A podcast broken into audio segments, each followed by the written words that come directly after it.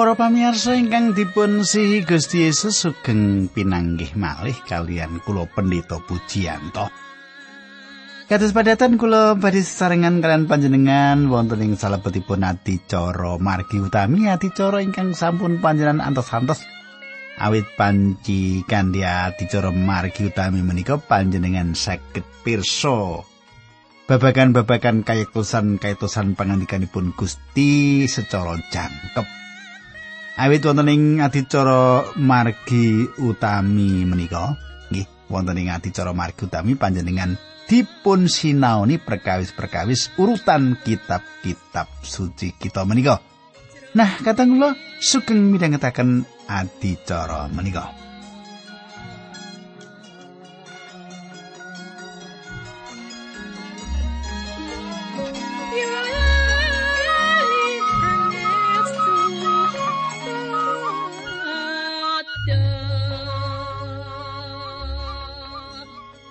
Para pamirsa menapa panjenengan tasih kemutan menapa ingkang kula andharaken tut nalika pepanggihan kepengker menika nggih. Tak bareni sithik supaya panjenengan kemutan apa sing tak aturake nalika pepanggihan kita kepengker. Para pamirsa ing pepanggihan kepengker kita sampun nyemak kados menapa Gusti Allah kebak sih kadarman. Dumateng sedaya ingkang pitados dumateng panjenenganipun lajeng kita lajengaken ing dina menika nanging saderengipun menika monggo kita tumungkul kita ndedonga nyuwun tuntunanipun Gusti rumiyin. Duh Kanjeng Rama ingkang ada dampar wonten kraton ing kasuwargan kawula ngaturaken gunging panuwun menawi dal menika kawula saged tetunggilan kalian sedherek-sedherek kawula ingkang setya tuhu midhangetaken adicara menika. Kawula nyuwun Gusti berkahi Gusti mitulungi kawula supados menapa ingkang kawula pirengaken ing dinten menika saestu estu saged ngandelaken iman kapitadosan kula.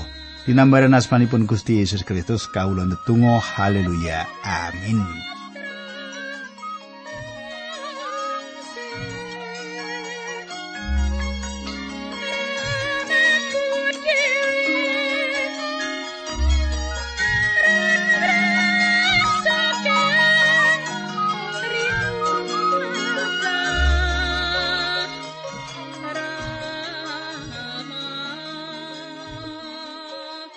Para pamirsa ingkang kula tresnani, samenika pasinon kita sampun mlebet ing kitab setunggal babat selikur ayat 18 ngantos 17 nggih. Samenika pasinon kita sampun mlebet ing kitab setunggal babat selikur lan kula wiwiti ayat 14 ngantos 17 nggih. Makaten surau sing pangandikan panjenengan pidhangetaken ing basa pedinan. Pangeran banjur nekakake pagebluk wujud loro marang wong Israel nganti cacahe wong sing mati ana pitung puluh ewu. Gusti Allah banjur ngutus malaikat ngempur kutha Yerusalem nanging bareng malaikat mau wis meh tekan panggonan penggilingan gandum duwe Arauna. Wong Yebus pangeran nuli keduwung lan ngendika marang malaikat sing kautus mau wis cukup semene wae mandeko. Raja Daud weruh malaikat mau nglayang ing antaraning langit lan bumi ngasta pedang siaga gempur kutha Yerusalem. Raja Daud lan para pemimpin rakyat nganggo sandangan bagor mertandani anggone ketun lan langsani dosane banjur padha sujud sumengkeming bumi. Pandungane Raja Daud duh Allah kawula ingkang damel dosa. Kawula ingkang aken ngawontenaken cacah jiwa nanging menggahipun bangsa menika menapa lepatipun. Mugi ngukum kawulan brayat kawula nanging umat menika mugi katebihna saking paukuman. Katang kula. Panjenengan katosaken pandunganipun Daud ingkang saestu ngedapi-dapi menika. Piyambakipun nyawisaken badanipun manggul sedaya dosanipun. Kula matur bilih Daud watek wantunipun sampun kathah karibah. E wedal piyambakipun dawah dosa kalian Batseba, Daud mboten purun sancang dumateng sinten kemawon. Malah Daud nyubing nglepataken tiang sanes sing wekdal Uria pecah ing peperangan. Ing wekdal semanten Daud kepengin ngayomi badan piyambak. Samenika sampun benten. Piyambakipun sampun sinau kathah. Piyambakipun tinar buka wonten ing ngarsanipun Gusti Allah. Kula lajengaken ayat 13 ngantos likur. Sawise mengkono Nabi Gad banjur diutus dening malaikate pangeran kondo supaya Raja Daud yasa mespeh kagem pangeran ing pengilingan gandumi Arauna. Raja Daud nuli budal kaya sing didhawuhke dening Allah lantaran Nabi Gad. Ana ing pengilingan gandum mau Arauna lan anak lanang papat lagi padha nyambut gawe bareng weruh malaikate pangeran bocah papat mau banjur padha mlayu umpetan. Bareng arauna weruh Raja Daud rawuh banjur dibagekake karo sujud sumengkeming bumi. Kadang kula. Arauna sawek nyambut damel wonten ing papan penggilingan gandumipun. Ing jamanipun Daud tiang-tiang ingkang nyambut damel ing penggilingan gandum nenggo angin midit. Salajengipun tiang menika badhe ngumbulaken gandum. Angin ingkang midit menika badhe ngaburaken kulit gandum menika. Gandumipun badhe dawa ing penggilingan menika. Kados ingkang sampun kula sebat saderengipun, Gunung Muria inggih menika papan Abraham misungssungaken Iska. Lan ereng-erengan gunung menika pungkasanipun inggih menika Redi Golgota, papan cumplung ing mriku Gusti Allah ngorbanaken putranipun untang-anting. Tembok Yerusalem ngadeg ing sauruting gunung menika, tembok menika saestu inggil. Panjenengan gatosaken, Gusti Allah milih papan pengilingan gandum gadahanipun Arauna ing Gunung Muria awit papan menika satunggalipun papan Gusti Allah paring dawuh dumateng Abraham supados ngurbanaken larenipun sinambi mirsani dhateng ngajeng ningali pedalaman Allah ingkang dipun ginakaken misungsungaken korban lan tundhonipun ing pangorbanan putra cempenipun Gusti Allah ingkang nyucikaken dosa umat manungsa. Para pamirsa kita lajengaken ayat kalih likur ngantos tiga likur kula wasaken panjenengan gatosaken. Pangandikane Raja Daud, aku kepengin gawe mesbah ing kene kagem Gusti Allah supaya pagebluk iki sirep. Matur pira regane lemah iki bakal ndak bayar. Aturi Arauna, duh Sang Prabu. Panjenengan agem kemawon lan sumangga nindakaken menapa ingkang panjenengan kersakaken, monggo menika lembu-lembu kagem korban obongan. Papan-papan pengilingan menika prayogi panjenengan agem besmi korban Monggo kula aturi mundut gandum kagem sausan menika sedaya kula saosaken mboten mawi mbayar. Para pamirsa. Arauna menika priyantunipun gadah watek sae. Piyambakipun nawakaken tanah menika lan gandum ingkang dipun klempakaken Daud saged ngginakaken sedaya menika kangge kurban sesausan. Ugi kajeng hubungan lembu saged dipun ginakaken kangge kurban obaran. Arauna menika nawakaken sedaya ingkang dipun betahaken Daud. Nanging cubi panjenengan semak menapa ingkang dipun ngendikaken Daud. Ayat kawan libur. Nanging Raja Daud pangsuli ojo arep ndak tuku lan ndak bayar apa mestini.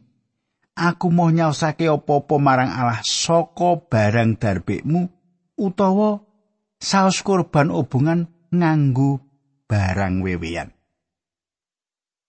Para pamirsa Daud nampik misungsungaken dumateng Gusti Allah ingkang dipun tampeni srana mboten bayar menapa-menapa.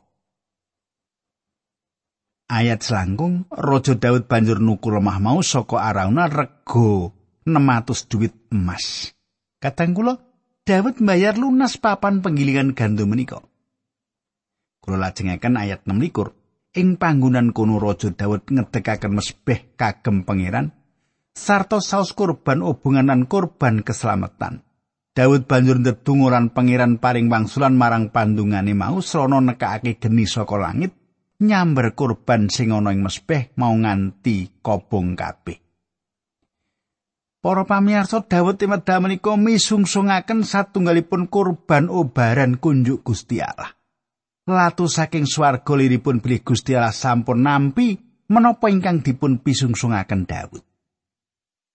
Ayat pitulikur Pengiran banjur ndawi malaikate nglebokake pedange ing rangkane meneh supaya panggebluke sirep. Para pamirsa, pedang paukuman sampun dipun cublesaken. Nanging ing Golgota pedang menika nembus welikatipun Gusti Yesus Kristus. Kados dene sanjangipun tiang aku mlebu ing sajroning manah kagungane Gusti Allah lumantar tatu saka cublesane tumbak. Kula lajengaken ayat 28 ngantos 3 dosa. Kaya mengkono pangeran nggone paring wangsulan marang pandungane Raja Daud nalika Raja Daud nyaosake korban ing mesbeh sing ana ing pengilingane Arauna. Nalika semono kemah palenggahane Allah sing digawe dening Musa ing ora Samun lan mesbeh kanggo korban obongan isih ana ing papan pangibadah ing Gibeon. Nanging Raja Daud ora wani mrana ndedonga marang Allah mergo wedi karo malaikate pangeran sing ngasta pedang mau.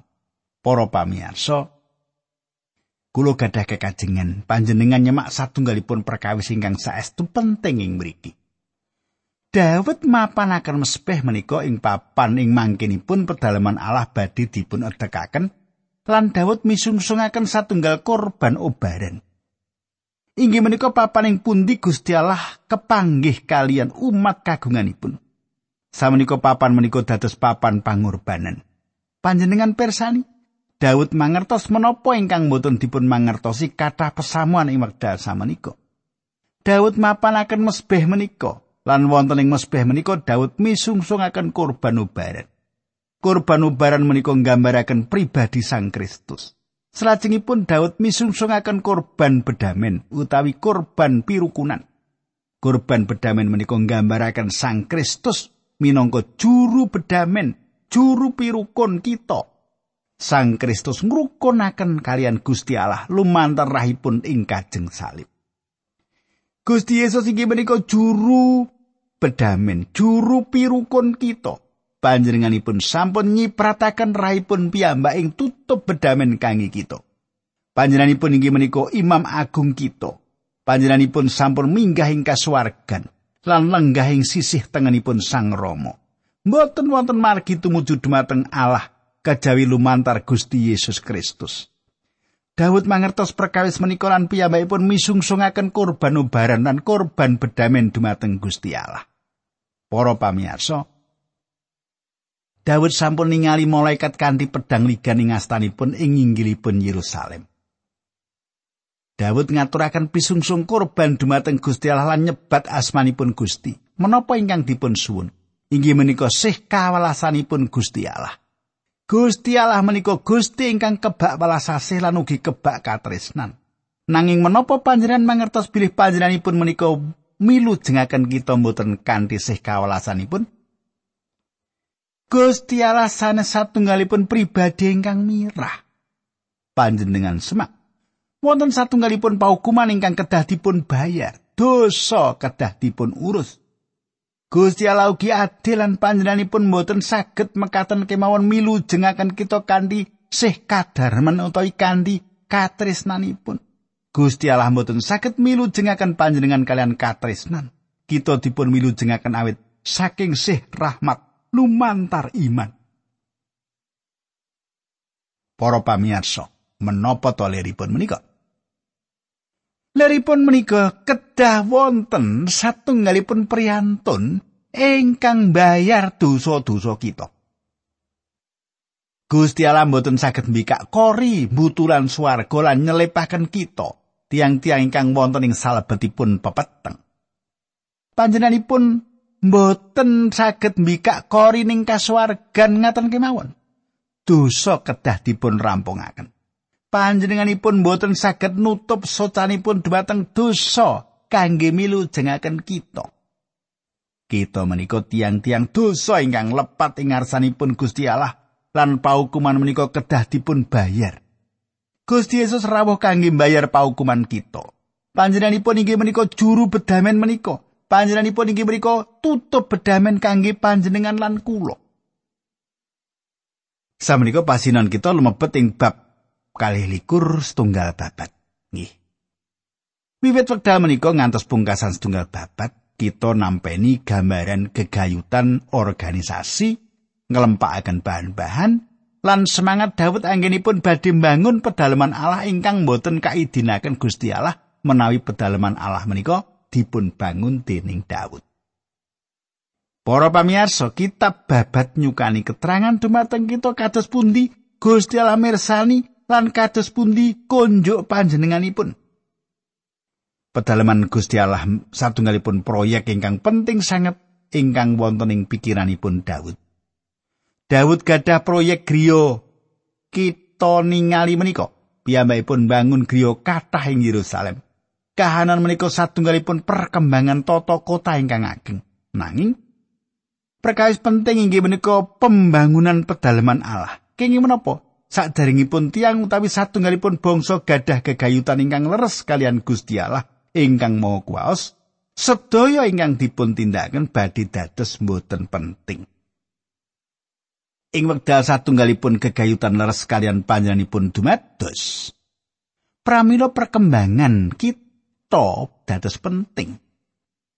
Selajengipun ngicali kemelaratan badhe kawiwitan, ketingalipun Daud gadah rancangan berantas kemiskinan sesampunipun pati perjanjian menika dipun beto dhateng Yerusalem. pun bangun lumbung-lumbung tetedan. Kenging menapa? Awit perkawis ingkang asipat rohani sampun karampungaken. Jaman samenika kita mireng kathah gegayutan perkembangan tata kota lan program pemberantasan kemiskinan. Media nengenaken perkais-perkais menika kanthi apik lan babakan menika adamel tiang gadah pikiran bilih menawi babakan kajasmanan menika sampun karampungaken pramila perkawis-perkawis jagat menika badhe karampungaken.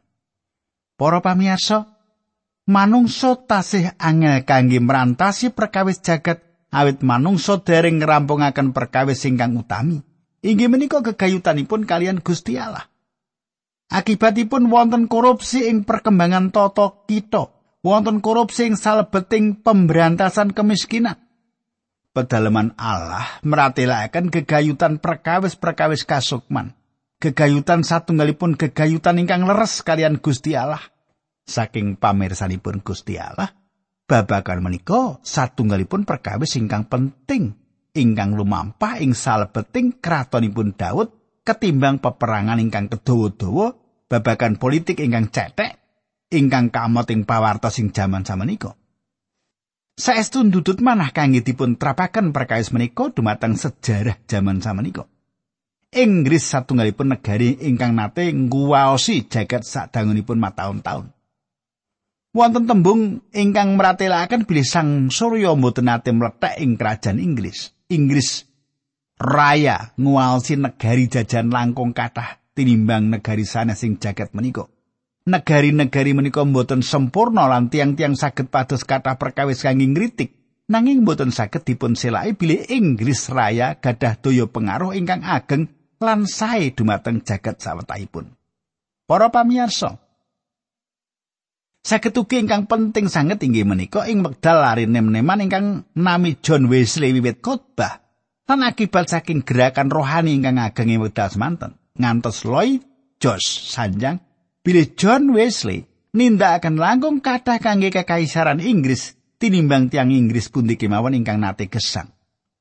John Wesley dados sararanipun Gusti Allah kangge milu jengaken Inggris Raya saking satunggalipun revolusi lan Gusti Allah paling kesagetan dumateng John Wesley supados miwiti satunggalipun gerakan ingkang nuntun peradaban ing saindenging jagat.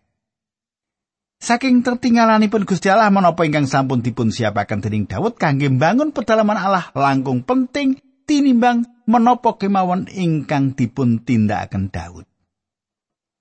Samenika tunggal babat 23 ayat setunggal lan kalih kula waosaken. Mulane Raja Daud banjur ngendika mengkini ing panggonan kini kudu dibangun pedalaman Allah. Lan ana ing mesbeh kene wong Israel padha nyaosna korban obongan marang Allah. Raja Daud nglumpukake wong manca kabeh sing manggon ing tanah Israel, wong-wong mau ana sing didawi natah watu kanggo ngetekake pedalaman Allah. Para pamirsa, Daud gadah tekad supados pedalaman Allah dipun bangun ing mriku ing papan pengilingan gandum kagunganipun Arauna. Ayat 3 sekawan. Raja Dawud uga nglumpukake wesi akeh kanggo gawe paku lan ing sale lawang-lawange gapura kayu. Prunggu sing diklumpukake uga akeh banget nganti bobote ora kena ditimbang. Raja Dawud ya pesen kayu temoro Libanon akeh banget saka wong Tirus lan Sidon. Para pamirsa sampun temtu kemawon tiang Sidon inggih menika penduduk Sidon kados dene ingkang sampun kita tingali Raja Tirus lan Sidon Raja kalih menika ingkang nyawisaken selo-selo lan kajeng kangge pembangunan pedalamanipun Allah. Ayat gangsal. Kuwi mau kabeh ditindakake marga ing batin duwe usik mengkini. Pedalemane Allah sing arep biasa dening anakku Sulaiman kudu indah banget. Lan kondang dewi sak jagat nanging Sulaiman isih nom lan durung duwe pengalaman. Mulane aku kudu nyawisake sak kabeh. Dadi sak durunge sedo Raja Daud nyawisake bahan bangunan akeh banget. Para pamirsa panjenengan katosaken tembung kondang sak jagat kados dene kita ningali saking menapa ingkang dipun pirsani Gusti Allah. Daud kathah nyawisaken bahan kangge pembangunan pedalamanipun Allah. Daud mangertos bilih Sulaiman tasik nem lan dereng gadah pengalaman lan pedalaman Allah kedah kondang sak jagat agengipun. Inggih menika jalaran kula matur bilih bangunan menika kedahipun dipun sebat pedalaman Allah Daud lan sanes pedalaman Allah Sulaiman. Ayat 6 pitu wolu. Raja Daud nimbali Sulaiman putrane lan didawi yasa pedalemane Allah sing disembah dening umat Israel. Ngandikani, Sulaiman anakku wis suwe nggonku kepengin yasa dalem kanggo ngurmati pengiran Allahku. Nanging pengiran ngendika yen aku iki wis kekarepen perang lan mateni wong akeh banget mulane pengiran ora marengake aku yasa dalem kanggo panjenengani. Para pamirsa, sinaosa peperangan ingkang dipun tindakaken Daud Adamel Daud purun utawi mboten kedah perang. Nanging Daud sanes tiang ingkang remen nyerang. Gusti Allah ngendika bilih Daud menika tiang ingkang tanganipun kelepotan rah. Gusti Allah sanes satunggalipun tiang ingkang remen perang kados dongeng Mars. Gusti Allah ngersakaken katentreman lan putranipun inggih menika Sang Raja katentreman ingkang badhe meto katentreman ing bumi menika. Gusti Allah mboten badhe ngidinaken Daud bangun pedalaman Allah awit piyambakipun prajurit perang. Para pamirsa, kita pungkasi semanten rumiyin nggih. Nek tak terusake wektune mbok menawi ora nyandak nggih. Nah kadang kula kula badhe nyuwun sepatus sing pepanggihan ingkang badhe dumugi menika panjenengan aja ngantek ora mirengaken nggih. panjenengan aja nganti ora mirengaken panjenengan kedah mirengaken awit kawruh-kawruh kasukman badhe panjenengan tampi wonten ing adicara salajengipun nggih Nah para pamirsa kula badhe ngaturaken salam kula dumateng Ibu Esther Setianingsih nggih Bapak Manto nggih menika kados pundi? Ibu Esther Setianingsih menapa panjenengan sae-sae kemawon nggih? Menapa panjenengan tansah dipun berkahi dening Gusti Allah? Pak Mantogi mugi-mugi sesarengan kalian kawula ing dinten menika. Nah kateng kula kita ndedonga rumiyin nggih Duh Kanjeng Rama ing swarga kawula ngaturaken gunging panuwun menawi wekdal menika kawula saged sesarengan kalian sedherek kawula lan kawula ndongaaken sedaya sedherek kawula ingkang mirengaken adicara menika paduka berkahi. Paduka tuntuni linambaran asmanipun Gusti Yesus Kristus kawula ndedonga haleluya amin